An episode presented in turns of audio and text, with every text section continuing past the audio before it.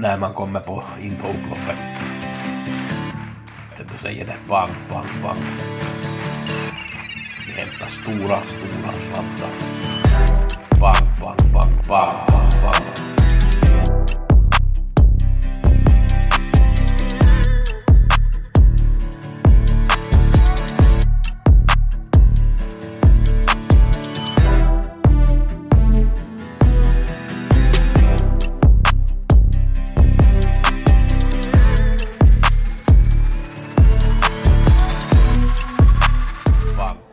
Vi har Gusse i veckopodden som ser lite annorlunda ut.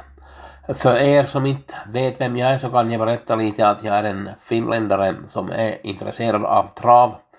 Jag är med i finska Trav-TV på fredag och ger tips till V64 och så brukar jag ha egen podd där jag ger tips en par gånger i veckan till travet och det är ju svenska travet som jag ger tips till. Klart att jag följer med finsk trav också men det är svenska som jag har har som min fokus på. Eh, jag har besökt cirka 30 svenska travbanor genom de här 30 åren som jag nu har varit med aktivt, 56 år, så att det har hunnit blivit några besök på travbanorna.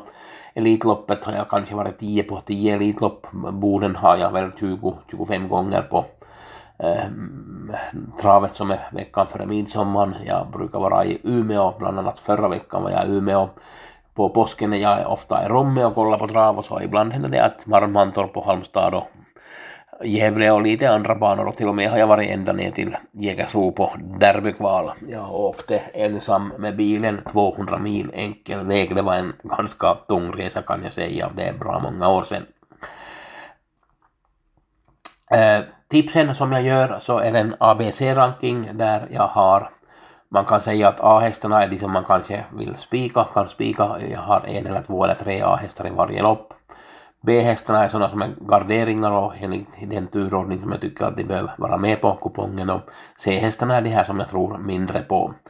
Jag brukar alltid sätta ut vem jag tror att är omgångens bästa spik och spikalternativ samt de här tre bästa skrällarna så har jag en spelprocentsuppskattning. Jag tar de här procenten när jag sätter ut tipsen och så sätter jag min egen uppskattning där vad jag tycker att det borde vara. Att om hästen spelar 30 och jag har den som 50 procent så då är det ju en jättebra idé och hästen spelar 30 procent och jag har 10 procent på den så då är det ju en favorit som är i fara och en dålig idé.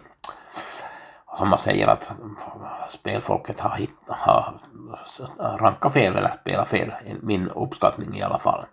Spetsanalysen, jag har tre olika spetshästar som jag går igenom som jag tror att kan få spets. Där finns det i textformat.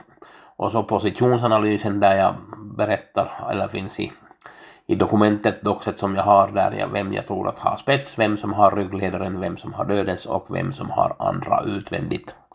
Jag brukar anteckna lite om det här genomgången av de här hästarnas prestation. Det blir ju förstås inte alla de här hästarna men de här i alla fall A och B-hästarna och de här allra viktigaste hästarna som man behöver veta att vem har, har den gått i spets och har den, vad, vad har den gjort och varför har den presterat si och varför har den presterat så. Samt utrustning och utrustningsändringar brukar jag också anteckna där. Nu blir det lite mera omfattande än vad det normalt blir i och med att det är V75 både på lördag och söndag och att det här jag har lite högre pris än vad jag normalt är för det här eh, tipsen. En cirka 20 minuters podd där jag går igenom de här viktigaste och det blir i en Youtube-format så att det är lite annorlunda format. Jag brukar bara ha ljudet men nu syns det med bild också där ranken syns när jag berättar igenom och lite text syns där också när jag berättar igenom de här allra viktigaste sakerna för omgången. Man funderar ju alltid att ska man köpa betaltips eller inte. Om ni aldrig har köpt betaltips så är det kanske rätta tillfället att göra det. De här tipsen kommer ut ganska tidigt så att säga. Vi har dem Planerar att sätta ut den på senast på fredag förmiddagen. Och när ni får de här så har ni ju möjlighet då förstås att kolla vad jag har kommit fram till och ni behöver inte själv sätta lika mycket tid på att läsa igenom det här. Er uppgift är sen att bestämma vilken spik eller vilka spikar ni vill ha och vilka garderingar ni tycker att ni ska ha som de här bästa garderingarna och vilka, vilken av de här C-hästarna som jag inte tror på som ni kanske kan tänka, sig, tänka mig att ta med som, som skräll alltid. Det är ju någon som kommer som inte man har riktigt räknat med.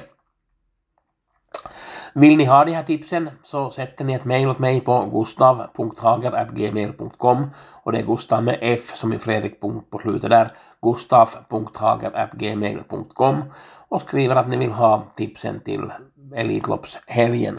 Sen sätter jag en faktura, det är 20 euro för både lördag och söndag, det blir cirka 230 kronor. Det kommer en faktura åt er sen som ska betala. Ni ser summan i kronor där. Det kan lite variera beroende på kursen men någonting 230 kronor plus minus någon krona där blir det för det här, det här paketet.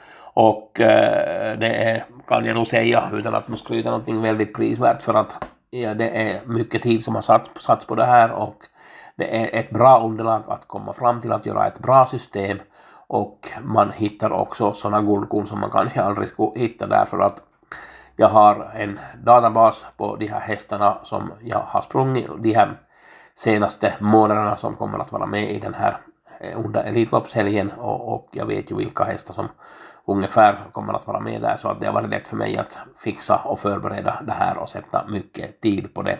Tid är det satt på jättemycket och jag kan också säga att jag har ett bra travöga som när det gäller att hitta de här skrällarna. Häng med! Nu är det dags att vara med och köpa de här betaltipsen om ni inte har gjort det någonting förr. Och ni som alltid har varit mina trogna kunder, tack ska ni ha. Ha en bra vecka, lycka till på spelet och tack för mig från Gusses sida.